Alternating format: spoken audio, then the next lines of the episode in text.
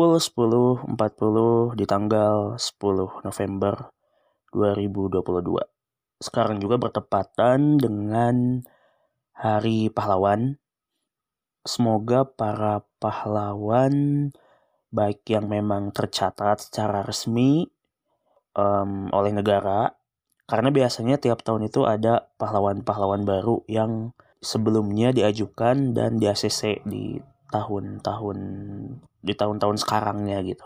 Nah, tapi kan tiap orang juga mungkin punya makna punya makna pahlawan yang beda-beda. Makanya siapa pun yang teman-teman anggap sebagai pahlawan di hari pahlawan sekarang itu nggak hanya teman-teman jadikan sebagai sosok pahlawan tapi benar-benar teman-teman internalisasikan nilai-nilai yang mereka miliki sehingga teman-teman ngefans sama mereka. Nah, di kesempatan kali ini, setelah cukup lama nggak ngepodcast, gak rekaman, saya pengen ngobrolin, tapi juga bingung sih sebenarnya mau namain atau mau nentuin temanya apa. Yang jelas ini bakal ngalir aja obrolannya. Jadi beberapa hari lalu, mama saya itu tiba-tiba tiba-tiba ngedorong saya buat memanfaatkan waktu gitu dengan semaksimal mungkin karena mungkin ngelihat saya banyak uh, leha-leha gitu males-malesan. Nah, mama saya tuh bilang untuk mulai ngaji di salah satu ajengan yang rumahnya gak terlalu jauh sih dari rumah saya meskipun beda dusun dan tentu beda RW dan RT gitu. Nah, lalu mama saya tuh langsung bilang ke bapak untuk ngobrol ke ajengan yang dimaksud. Nah, sebelum ke sana. Jadi sebenarnya mama saya dan bapak tuh udah dari cukup lama gitu kayak ngedorong saya buat mesantren lagi atau ngaji mengulang kitab-kitab yang udah dulu sempat dipelajari pas di pesantren tapi sekarang udah lupa sama materinya karena emang ngajinya tuh ya 10-12 tahunan yang lalu gitu soalnya saya mondok itu kan dari tahun 2008 sampai 2011 berbarengan dengan uh, saya SMA gitu. Nah karena waktu kuliah saya nggak mesantren lagi di Bandung juga meskipun mungkin kalau saya rajin itu bisa sambil ngaji sebenarnya. Bisa sorogan sama eh, santri-santri yang lain atau ustadz-ustadz di sekitar kampus saya tapi saya nggak ngelakuin itu. Nah sekarang ternyata memang sayanya juga pengen ngaji kemudian orang tua juga nyuruh ya karena mereka ngarepin saya bisa ngaji sih gitu sebelum nikah jadi ada bekal lah gitu minimal untuk diri saya pribadi mungkin untuk keluarga saya nanti dan alhamdulillah kalau bisa diajarkan secara langsung um, ke murid-murid saya atau ke majelis taklim gitu. Tapi itu kayaknya masih sangat jauh. Nah, terus balik lagi ke dorongan yang lebih masif dan lebih konkret juga gitu dari orang tua saya. Kemarin itu bapak saya ketika di minta sama mama untuk ngobrol ke ajengan tersebut langsung nge-WA ajengan yang bersangkutan gitu. Lalu beliau nge-forward balasan WA-nya itu ke saya bahwa jadi memang sekarang itu ajengan yang dimaksud itu lagi menyorogkan, eh menyorogkan namanya bahasa Indonesia teh lagi ngajarin lah gitu ngajarin tab Fatul Muin ke salah satu ajengan muda kemudian nah itu tuh di hari Jumat malam Sabtu. Habis Isya lah gitu.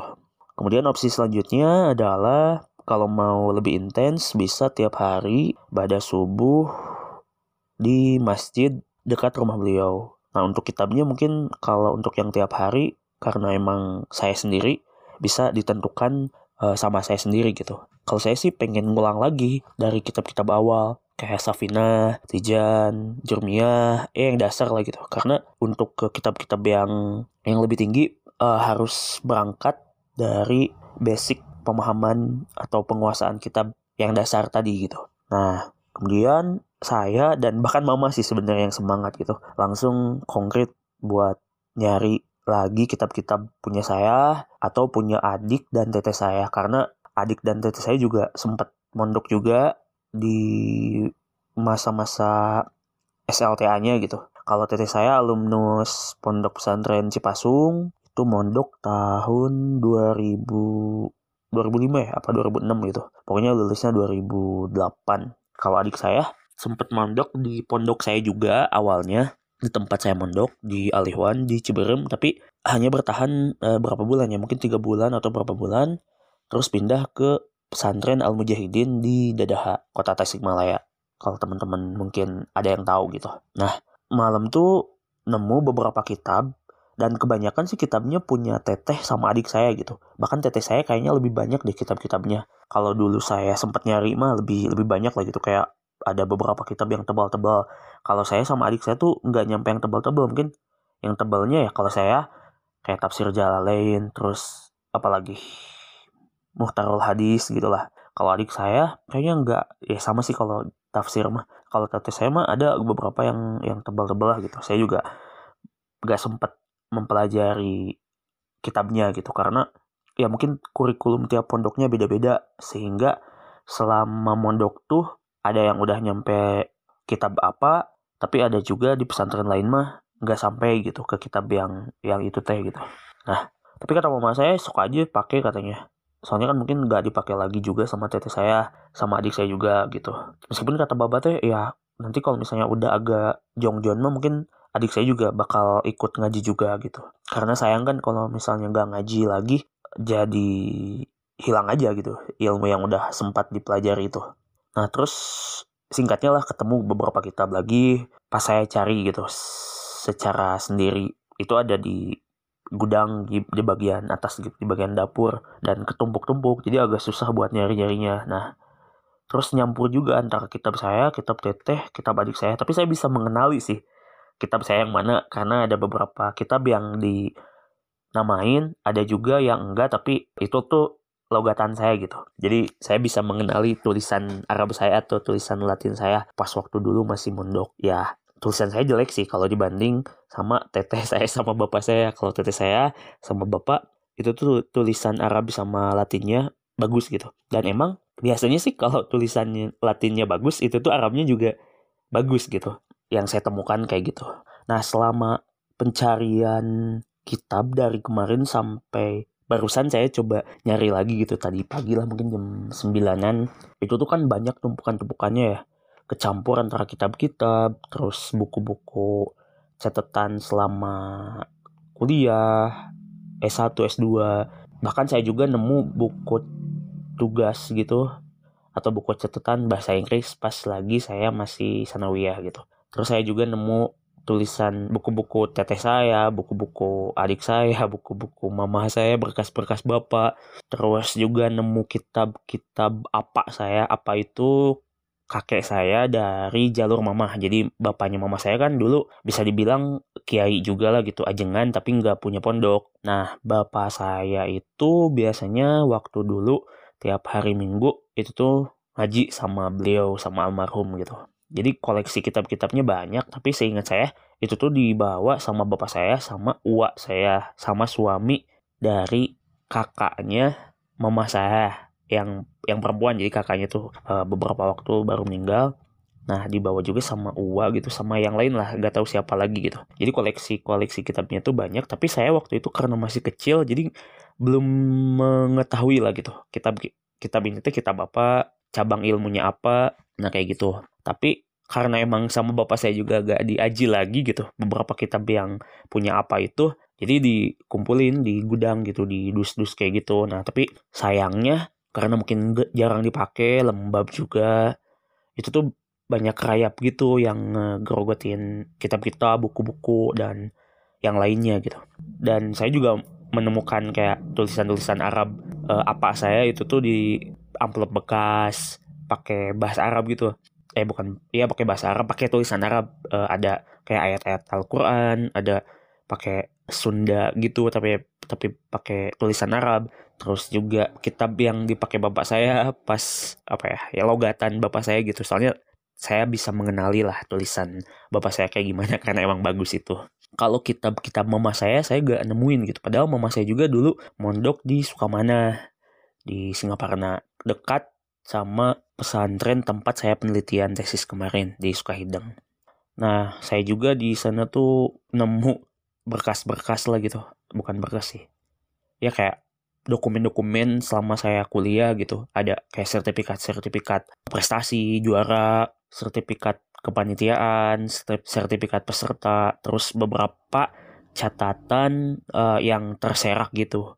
Salah satunya yang saya temukan itu catatan uh, di mata kuliah pedagogik spiritual di semester 3 uh, S2 kemarin gitu. Yang dosen pengampunya tuh Pak Am, dosen favorit saya dan saya memang lagi nyari juga catatan itu. Tapi itu tuh saya juga gak tahu kenapa saya tuh nulisnya acak-acak gitu gak rapi lah nggak di buku gitu tapi di HVS terus saya cuman kasih tanggal dan bahkan beberapa ada yang gak pakai tanggal terus ditulisin per halamannya ada halaman 1, halaman 2, halaman 3, halaman 4, halaman 5 gitu. Nah rencananya yang barusan saya temukan itu mau ditulis ulang lagi dirapiin gitu di buku catatan. Terus saya juga nemuin kayak paper-paper gitu diskusi sastra yang pernah saya ikutin di Asas, UKM Sastra di UPI gitu. Terus di salah satu seminar yang saya sempat ikutin yang pengisinya itu Kang Randy Jian Satria, Pak Cep Zam Zam Nur sama Kang Faisal Sareja yang diadain sama salah satu himpunan uh, di ISBI gitu. Saya lupa lagi jurusannya apa gitu. Tapi temanya tuh tentang sastra, tentang seminar sastra gitu. Kalau saya punya printer yang ada scanannya aja itu tuh rencananya mau saya scan lagi gitu. Kalau pakai HP mungkin kualitasnya agak agak terlalu bagus ya. Mungkin bagus-bagus aja sih tapi nggak terlalu memuaskan gitu. Kalau pakai scanan kan lebih jelas si dokumennya. Terus ya sayang aja sih sebenarnya ya arsip-arsip tugas-tugas atau catatan ketika dulu sekolah baik di kalau SD mungkin kayaknya nggak ada yang berguna lah gitu. Tapi kalau mungkin dari MTS eh, SMA terutama saya pas lagi mondok itu kan itu ada catatan-catatan penting yang agak susah untuk diingat lagi gitu. Uh, makanya catatan itu tuh jadi jadi penting banget untuk meng, apa ya mengingatkan kita terhadap ilmu yang udah disampaikan sama guru-guru kita gitu. Makanya saya jadi ingat di kuliahnya Pak Am itu biasanya beliau agak gimana ya mungkin agak marah dalam tanda petik itu sama mahasiswa yang gak nyatet gitu. Karena itu tuh kesannya sombong gitu. Harusnya harusnya kita sebagai yang mas apa ya orang yang agak yang susah lah gitu buat, buat ingat semua semua hal ya harusnya tawadu gitu dan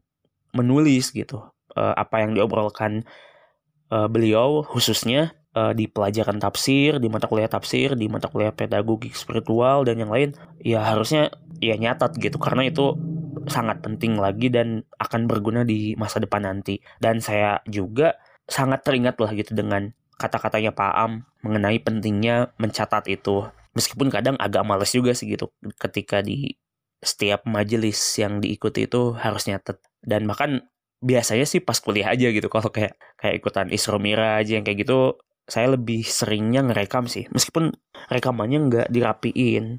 Nah ketika dirapiin masih sebenarnya ya itu mungkin metode mencatat yang lain ya gitu ya. Tapi dirapiin di Google Drive atau media-media penyimpanan yang lain yang bisa menyimpan si dokumennya gitu. Atau file file majelis ilmu yang kita ikuti gitu. Nah saya juga sekarang mungkin udah nggak mudah lagi ya untuk mondok. Sebenarnya uh, bisa-bisa aja tapi gak seluasa dulu pas lagi masa-masa remaja gitu masa-masa MTS kalau SD mungkin kalau saya ya saya termasuk lebih condong kalau mau memondokkan anak itu kayaknya mulai usia-usia SMP deh. Kalau SD mungkin dibekali dulu dipuas-puasin dulu hubungan antara anak sama orang tuanya dididik dengan versi orang tua. Nah sambil tetap juga mungkin ngaji di ngaji abis maghrib lah gitu di masjid-masjid terdekat. Itu kan juga e, ngaji kitab juga kan kayak kitab-kitab dasar. Nah kalau udah mulai masuk ke masa SLTP nah itu mulai di bisa deh mulai dimasukin ke e, pesantren gitu. Dan dulu tuh saya jadi inget juga e, nasihat-nasihat guru gitu bahwa masa-masa di pondok tuh ya harus dimanfaatkan banget gitu ngajinya harus fokus, harus rajin, nggak bandungan, jangan melaweng. Karena nanti ketika udah lulus dari pesantren, udah udah dewasa lah gitu. Momen-momen selama di pondok itu tuh ngaji setiap hari, setiap waktu. Kalau saya dulu tiga waktu sih, subuh, habis asar, sama habis isya. Kalau di pondok-pondok pesantren lain yang mungkin nggak sambil sekolah, itu tuh bisa mungkin lima waktu ya. Pagi gitu di waktu duha nyampe siang terus abis duhur juga ngaji lagi. Bisa sangat lama eh, bisa sangat banyak banget gitu intensitas untuk ngajinya. Tapi kalau yang sambil sekolah sambil kuliah itu kan agak terbatas karena harus bagi-bagi waktunya gitu. Nah kata beberapa guru lah saya juga mungkin lupa lupa inget ya siapa guru yang ngomong yang yang berpesan untuk benar-benar belajar dengan sungguh-sungguh teh gitu. Tapi saya saya saya ingat bahwa poin-poin itu tuh bahwa suatu saat nanti kita akan menyesal karena nggak belajar dengan serius tuh emang kejadian sama saya sekarang gitu. Saya um, merasa menyesal kenapa nggak benar-benar dulu ngaji, kemudian kenapa pas kuliah juga nggak ngaji, nggak sambil ngaji juga gitu. Karena kalau ilmu nggak dipakai ya ya udah gitu menguap aja, hilang gitu. Bahkan sama sekali nggak inget gak inget sama sekali gitu. Kayak misalnya uh, ini di luar pelajaran agama ya. Kayak pelajaran-pelajaran di SMP pelajaran di SMA terutama beberapa pelajaran yang emang gak terlalu disukai gitu. Kalau saya dulu emang gak bukan ya mungkin bisa dibilang gak disu gak gak menyukai fisika gitu. Matematika padahal saya anak IPA anak IPA gitu. Tapi ketika kuliah itu kan banyak yang pindah atau nyebrang jurusan gitu dari IPA ke sosial, dari sosial ke IPA mungkin ada tapi jarang gitu. Nah itu tuh ilmu-ilmu sebelumnya tuh yang menguap aja gitu. Sementara kalau ilmu agama ya fardu ain gitu.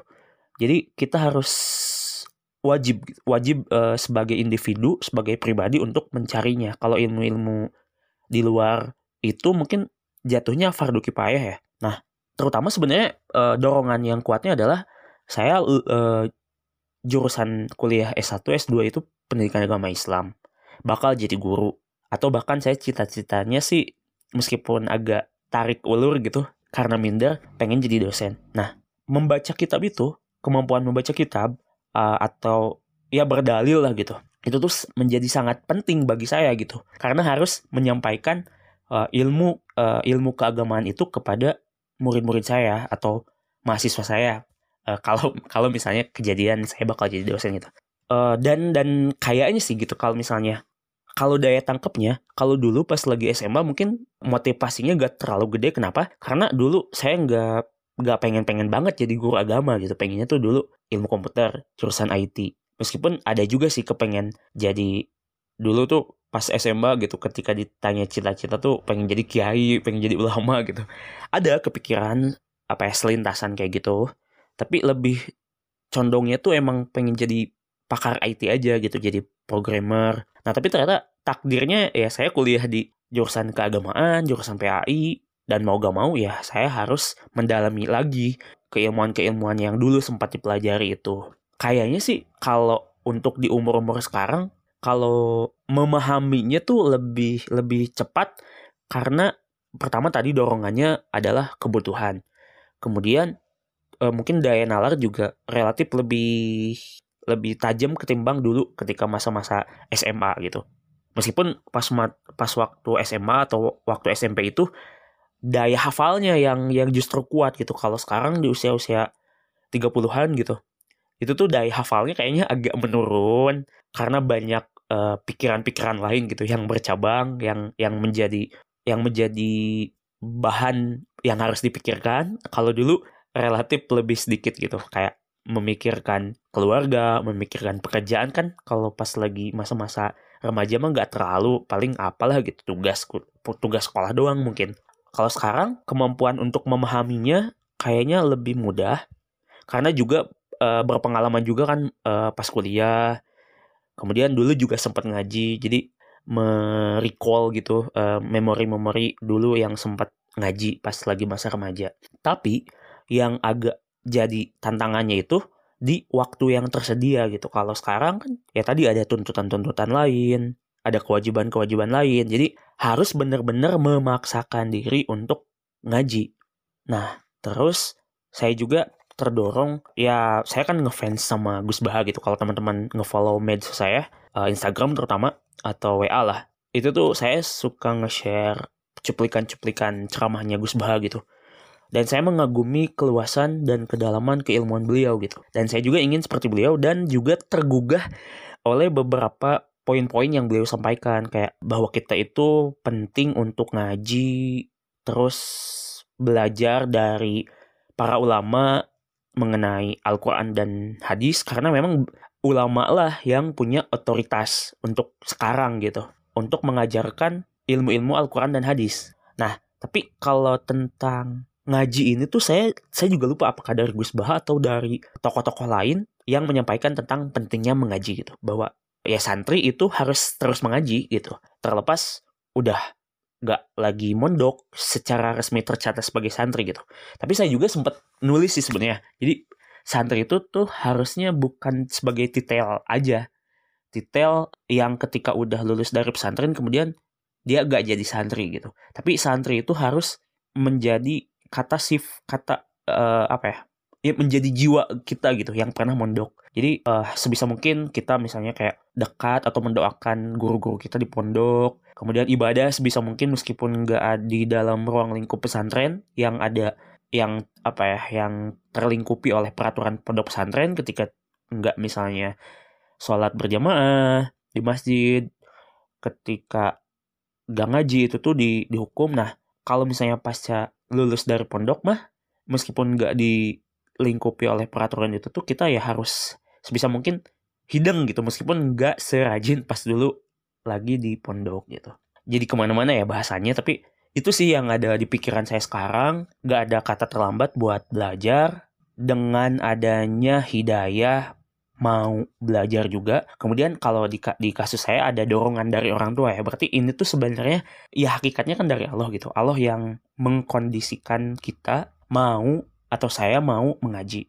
Kalau di kajiannya uh, ahlikam ahlikamnya Pak Am ya semua keberhasilan yang terjadi dalam hidup kita tuh hakikatnya dari Allah gitu. Allah yang mengizinkan, Allah yang mengkondisikan, Allah yang mentakdirkan itu bisa terjadi gitu. Bahkan dorongan untuk saya saya ngaji orang tua saya ngedorong saya mau ngaji itu tuh ya Allah gitu. Allah yang mungkin menjawab doa doa saya. Wasilahnya saya berdoa gitu. Saya juga memang belakangan pengen ngaji pengen ngaji lagi gitu. Entah itu lewat mondok lagi atau ngaji eh, kayak sorogan gitu ke ustad-ustad ke ajengan-ajengan yang bisa dijangkau gitu. Nah berarti ini jawaban dari doa-doa itu. Meskipun tanpa berdoa pun sebenarnya Allah udah tahu gitu. Atau yang terbersit dalam hati kita. Tapi berdoa dilisankan atau di dalam bentuk munajat yaitu sebagai bentuk ketawaduan kita sebagai hamba aja sih. Barusan rekamannya saya uh, pause dulu karena ada yang uh, ngeheler. Ngeheler teh bahasa Indonesia namanya yang ngegiling padi gitu buat jadi beras. Nah saya barusan nemuin dulu si emangnya buat bayar gitu. Nah tapi intinya dari apa yang tadi saya sampaikan dari awal sampai barusan, saya bersyukur banget dapat panggilan dan memang ada dorongan juga dan support dari orang tua gitu yang mendukung buat ngaji lagi dan mudah-mudahan istiqomah ke depannya nggak cuman satu satu dua kali tapi benar-benar berlanjut ketika pun nanti uh, saya misalnya nggak ngaji di ajengan yang bersangkutan karena saya juga uh, gak tahu nih untuk ke depannya teh bakal tinggal di mana gitu. Apakah bakal stay di rumah aja? Kalau di rumah, maksudnya stay di rumah tuh cari kerjaan yang dekat rumah.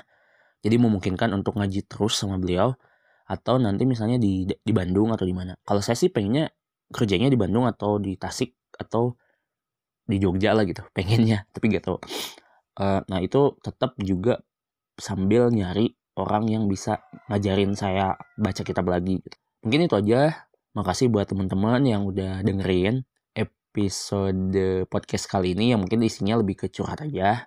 Dan emang sih kayaknya nggak ada podcast saya yang nggak curhat. Dan ke depannya tungguin aja episode-episode yang lain. Mudah-mudahan bisa membuat teman-teman betah dengerinnya dan ada manfaat yang bisa diambil dari teman-teman mendengarkan podcast saya. Oke, atur nuhun. Assalamualaikum warahmatullahi wabarakatuh.